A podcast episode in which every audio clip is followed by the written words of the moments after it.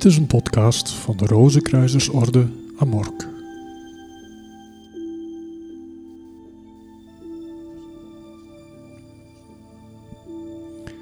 Over de ziel.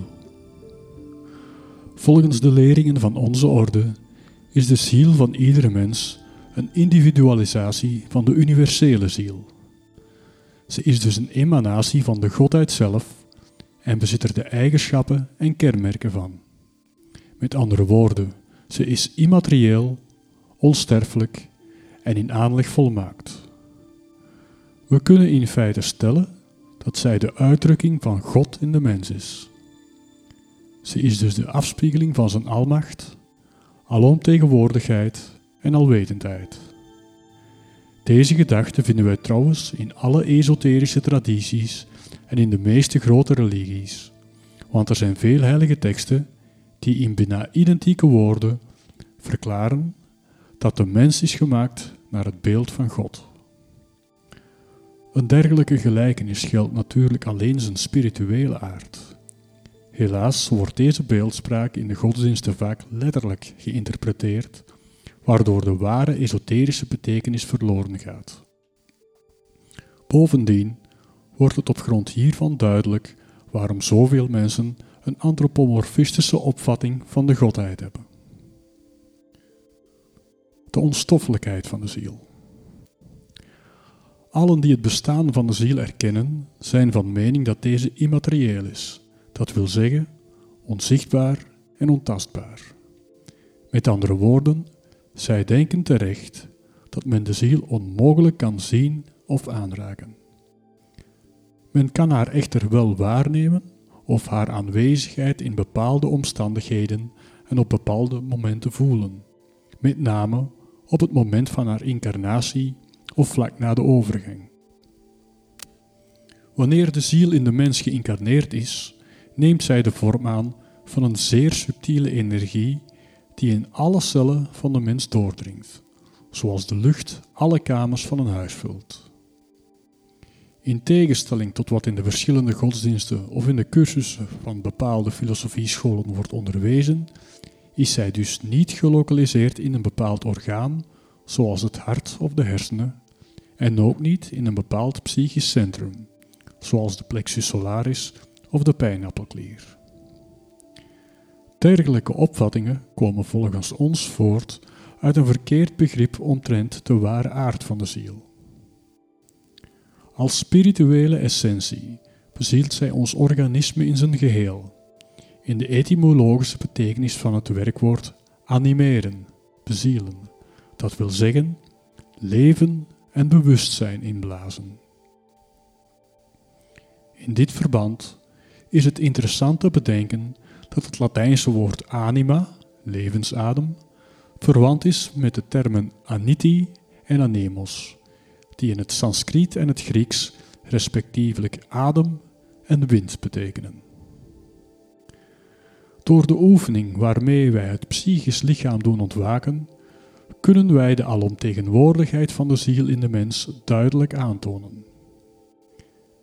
Wanneer wij bij deze oefening immers op de juiste wijze te werk gaan, blijft de stimulering die wij vlak erna voelen niet beperkt tot één orgaan. Ze is algemeen en treedt in ons gehele fysieke lichaam met dezelfde intensiteit op. Om redenen die u in de vorige graad zijn uitgelegd, valt het spirituele aspect van ons wezen samen met het psychische aspect. Want het tweede is het rechtstreeks gevolg van het eerste en zou zonder dat niet bestaan. Deze twee aspecten zijn daarom nauw met elkaar verbonden en trillen in harmonie in al onze cellen en dus in ons gehele organisme. Om de dualiteit van de mens goed te begrijpen, moeten wij de aard van de ziel niet beperken door te doen alsof zij slechts in een of ander deel van het fysieke lichaam aanwezig is. De onsterfelijkheid van de ziel. Wanneer wij het bestaan van de ziel en haar goddelijke afkomst erkennen, kunnen wij niet aan haar onsterfelijkheid twijfelen.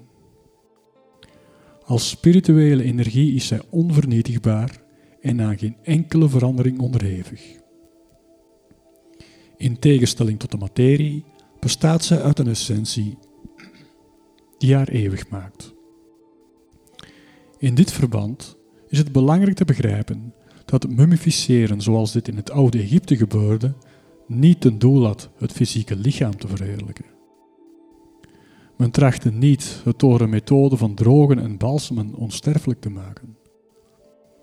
Het was meer bedoeld om het materiële bestaan van de overledene langer te laten duren met het oog op een eventuele opstanding. Of om de ziel in het hiernamaals de fysieke en mentale vermogens te laten behouden die zij tijdens haar incarnatie bezat. Men was van mening dat zij dankzij deze vermogens in het dodenrijk kon lopen en kon zien wat er zich afspeelde. Een dergelijke opvatting lijkt op het eerste gezicht misschien primitief, maar ze getuigt wel van het belang dat de Egyptenaren aan het leven na de dood hechten. Ze laat tevens zien hoezeer zij overtuigd waren van de onsterfelijkheid van de ziel.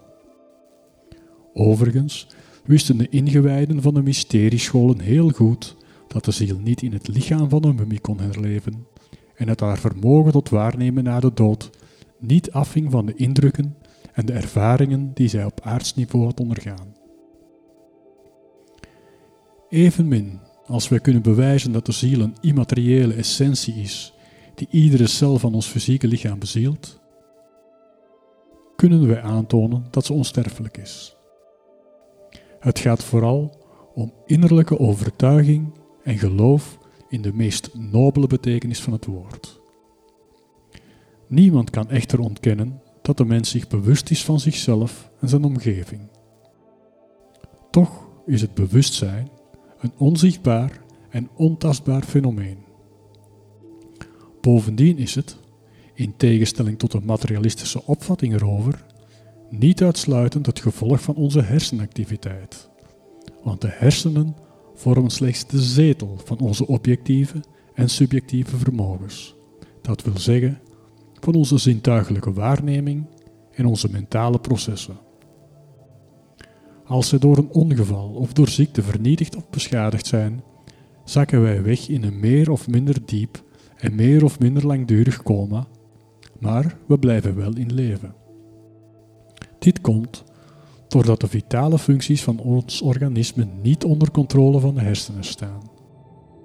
Zoals u in de vorige graden hebt geleerd, staan ze onder invloed van het onderbewustzijn, dat een specifieke manifestatie is van het kosmisch bewustzijn, zoals dit zich in ieder mens manifesteert. De volmaaktheid van de ziel.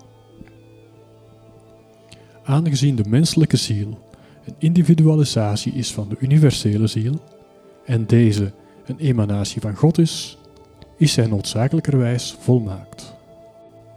Dit betekent dat het niet mogelijk is de ziel deugdzamer te maken of haar potentieel aan wijsheid te vergroten.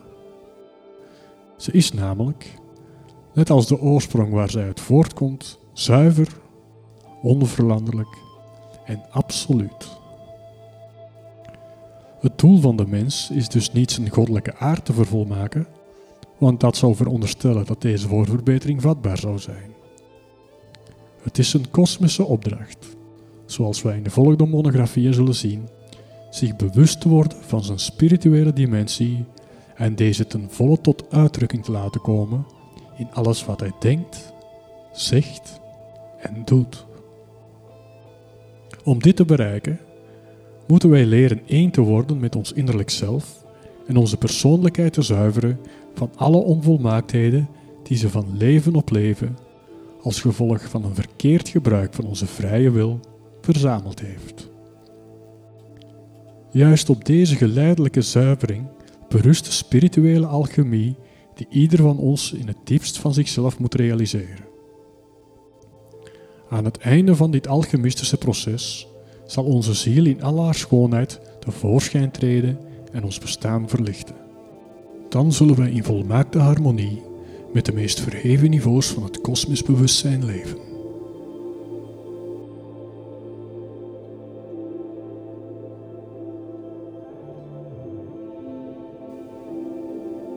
Dit was een podcast van de Rozenkruisers Orde Amork. Dank u voor het luisteren. Meer informatie kan u vinden op www.amork.nl